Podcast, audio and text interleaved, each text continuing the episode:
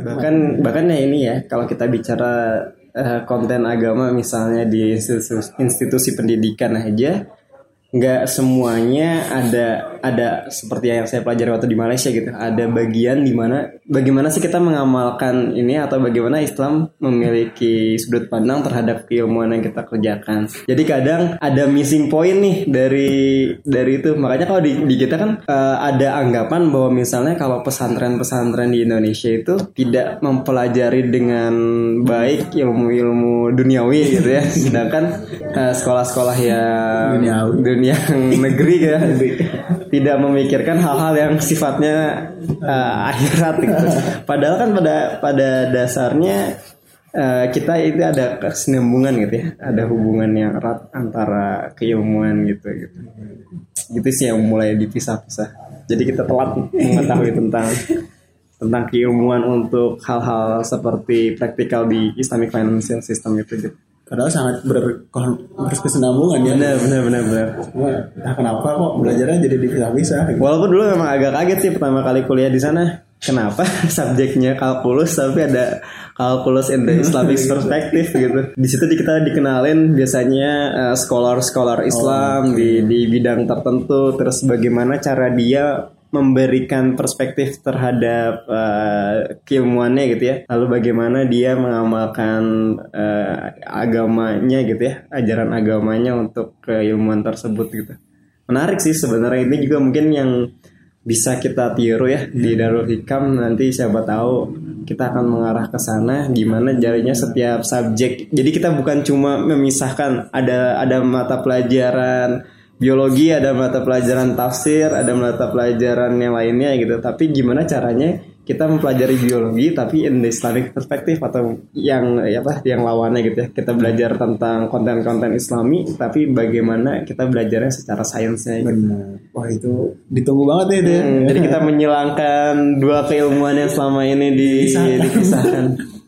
Dan sebenarnya kalau ngomongin tadi ya kalkulus kan itu abstrak banget ya gitu ya kalau belajar juga kan mungkin belajar matematika gitu yeah, apa yeah. hubungannya sama agama gitu yeah, yeah. ternyata ada ya tapi kayaknya itu adalah jadi jadi ke mana-mana. Jadi ini tuh kayaknya strategi dari orang-orang di luar sana oh, deh yang, yang iya. pengen memisahkan agama dengan ilmu pengetahuan gitu. Padahal kalau kita uh, kenal scholar-scholarnya Islam Al Hawarizmi gitu ya yang menemukan kalkulus dan lain sebagainya bisa gitu ternyata seorang tokoh agama itu juga memiliki satu keilmuan di bidang lain yang yang sangat-sangat erat gitu. Jadi mungkin karena ada upaya-upaya pelemahan ya kelemahan benar. Ya kalau kemarin lihat ya komentar kan kalau kalau dengar dengar di Malaysia tuh kurikulum tuh pakai kurikulum lama ya maksudnya mereka tuh upgrade kurikulum. Kalau kita kan ganti kurikulum. Oh iya iya iya. Itu iya. benar nggak sih? Benar benar benar. Itu ya walaupun sebenarnya kalau kita bilang di Indonesia tuh sebenarnya nggak nggak nggak terlalu beda jauh sih ya. Cuma ganti termsnya aja. Hmm. Kayak misalnya dulu namanya Eptanas, nah. langsung si apa dulunya lagi si Penmaru, nah, terus iya. SBMBTN kan sebenarnya itu itu, itu, itu aja kan. ganti nama ya. Nah. Kamu kalau di sana kayaknya lebih lebih kelihatan progresifnya gitu. Lebih progresif ya memang secara keilmuan. Ya, makanya pas ngeliat karya-karya anak Malaysia juga wah keren ya gitu. Iya iya iya. Indonesia kita harus mencoba mengejar lagi gitu ya. Tapi alhamdulillahnya kalau di Darul Hikam juga kita cukup terbuka ya dengan dengan berbagai macam sistem hmm. sebagai bentuk uh, kita up to date juga dengan apa yang terjadi di dunia. Salah satu upayanya adalah dengan menerima tamu dan kita juga berkunjung ke beberapa uh, sekolah di luar itu ya. Hmm. Kayak misalnya kalau teman-teman dari SMA Darul Hikam itu ada uh, apa namanya? study tour mungkin istilahnya hmm. yang kita pergi ke beberapa negara selama sejauh ini udah pernah ke Malaysia, Singapura, China, uh, Korea, Jepang gitu buat datang juga ke sekolah sana kita ajarin bagaimana sih sistem pembelajaran gitu ya? Oh, yang apa namanya yang bisa kita pelajari apa? Karena pada dasarnya kalau kita uh, apa namanya mau buat belajar untuk keluar juga ya, banyak banget ya banyak banyak yang bisa kita aplikasikan gitu. Oh iya jadi kayak gitu ya. Kalau misalnya di Darul Hikam sendiri kan Kang Waki udah berapa lama ya Satu tahun kayaknya ya, tepat satu tahun. Dan itu mungkin bisa kalau bisa ceritain se seberapa Islamik kah finansial yang kita Iya kan? Mungkin kalau itu boleh dong. Sudah cerita gitu ya uh, Kalau dalam uh, pengaplikasiannya ya Pada akhirnya Mungkin kita sudah mengaplikasikan si financial system itu Tanpa kita sadari gitu oh. Kenapa? Karena di Darul Hikam sistemnya sudah terutama untuk karyawan-karyawan di apa institusi perguruan itu sudah cukup jelas mereka termasuk ke dalam kategori guru seperti apa gitu ya golongan berapa lalu lama mengajar berapa sehingga kita memberikan istilahnya fee yang sesuai dengan uh, dua itu pengalaman kerja dengan golongan-golongan gurunya gitu. Lalu level pendidikannya seperti apa. Nah, itu kan salah satu bentuk dari bagaimana yayasan membentuk uh, fairness gitu ya di dalam oh, ya. melakukan pemberian upah. Walaupun mungkin belum seluruh yayasan ya teraplikasikan seperti itu, tapi kita sudah mulai ke situ gitu. Lalu ada koperasi di mana kita bisa apa namanya melakukan minjaman hmm. dan lain sebagainya yang bisa membantu uh, guru-guru uh, secara itu walaupun memang di awalnya belum ada uh, apa namanya belum ada tujuan ke sana atau oh. belum belum sebenarnya belum kepikiran ke sana tapi secara intuisi ternyata memang uh, Darul Hikam sudah mulai melakukan itu hmm. walaupun memang ada beberapa hal yang harus disempurnakan mengenai sistemnya gimana caranya biar lebih adil terhadap uh, karyawan-karyawan di Darul Hikam biar lebih inilah uh, bahagia semuanya oh, pada akhirnya biar hak haknya terpenuhi. Nah, ya, tadi ya kita mencoba membuat sistem yang ya dan yeah ke sana juga masih banyak hal yang bisa diupgrade ya sebenarnya. Hmm. Sebenarnya banyak banget ya pengaplikasian si Islamic Financial System itu. Bahkan sekarang itu yang lagi menarik uh, jadi isu isu penelitian, topik-topik penelitian itu adalah bagaimana kita melakukan kita menggunakan si kalau di kita namanya arisan ya. Oh, arisan ya. Untuk ya, ya. untuk uh, series shifting itu gitu. Hmm. Untuk mengaplikasi series shifting itu. Hmm. Karena itu ternyata adalah bagian dari inian syariah. Mungkin ada sedikit perbaikan kayak misalnya uh, pemenangnya jangan dikocok gitu ya, hmm. tapi kita mendapatkannya kayak pilih-pilih misalnya di bulan ini uh, si ini yang dapat karena misalnya kebutuhan dia segala macam. Nah itu adalah bagian dari pengaplikasian yang yang yang cukup baik. Dan kalau kita uh, main-main ke unit-unit Darul Hikam, ternyata guru-guru Darul Hikam secara ini sudah melakukan itu gitu ya.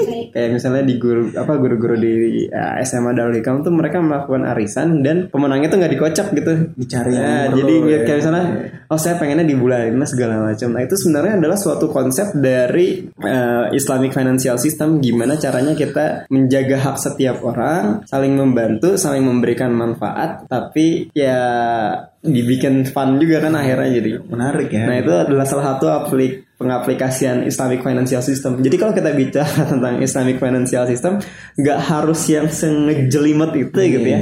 Tapi gimana caranya kita bisa ngejaga hak setiap orang, bisa saling ngebantu. Nah hal-hal yang sederhana seperti tadi arisan, lalu penggajian berdasarkan dengan kemampuan, lama lama apa namanya, lama mengabdi di Darul Hikam segala macam yang udah fair bisa kita aplikasikan gitu.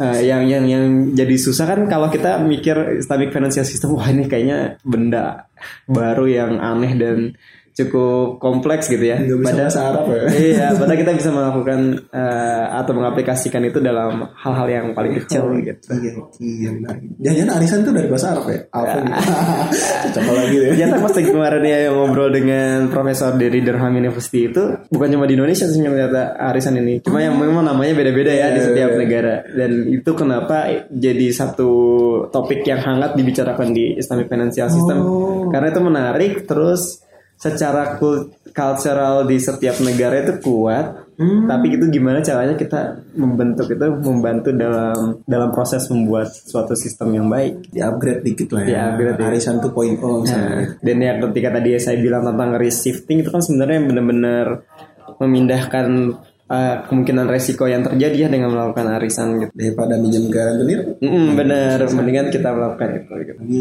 ya namanya rencana-rencana butuh uang nih buat nikahan anak misalnya. Yeah. Gitu, atau mungkin yang gitu ya. Wah ini keren banget ya terkait dari income dan juga financial. Iya. Ya. Jadi kita nggak usah terlalu berpikir yang terlalu kompleks untuk untuk kita bisa memberikan dampak ke lingkungan terdekat kita gitu ya gak usah ini yang penting nanti di di apa namanya disampaikan aja poin-poin yang yang bisa membantu komunitas kita gitu untuk menjadi lebih baik lah untuk saling membantu sama lain. Berarti harapannya nanti semua unit di Dorhikam ada arisannya ya. Iya kayak gitu-gitu ya. kalau harapan-harapan ke depannya gimana nih Kang? Yang ada kepikiran nih ide-ide mungkin teman-teman dia yang dengar juga kayaknya oh iya nih kayaknya bisa nih di di tempat saya atau gimana? Yang pertama itu ya tadi arisan itu sangat-sangat membantu ya asal jangan dikocok ya jadi hmm. ntar jadi bukan gambling kita kita bukan kita avoid goror juga. Oh, nah, tapi sebenarnya kalau yang lainnya uh, terutama terkait peminjaman itu bisa di, dibikin menjadi lebih lebih menarik juga. Ini yang udah diaplikasiin sih sebenarnya sama negara-negara yang tadi saya sebutin Pakistan dengan Malaysia. Gimana caranya kita memberikan pinjaman tapi kita avoid yang namanya riba gitu. Itu sebenarnya ini cukup kompleks ya, tapi kayaknya harusnya bisa diaplikasikan. Jadi siapa tahu nanti uh, yayasan punya funding yang cukup besar sehingga bisa memberikan pinjaman pinjamannya gitu ya tapi dengan sistem yang sesuai dengan syariah kan kalau diperbankan sekarang walaupun yang syariah menurut saya sih secara sistem itu belum belum Masih. belum terlalu inilah ya. Sedangkan sebenarnya ada gitu cara yang yang lebih baik dan lebih ini juga. Hmm. Kayak misalnya minjem uangnya pakai emas aja deh gitu kan minjem 10 juta nih 10 gram ya gitu.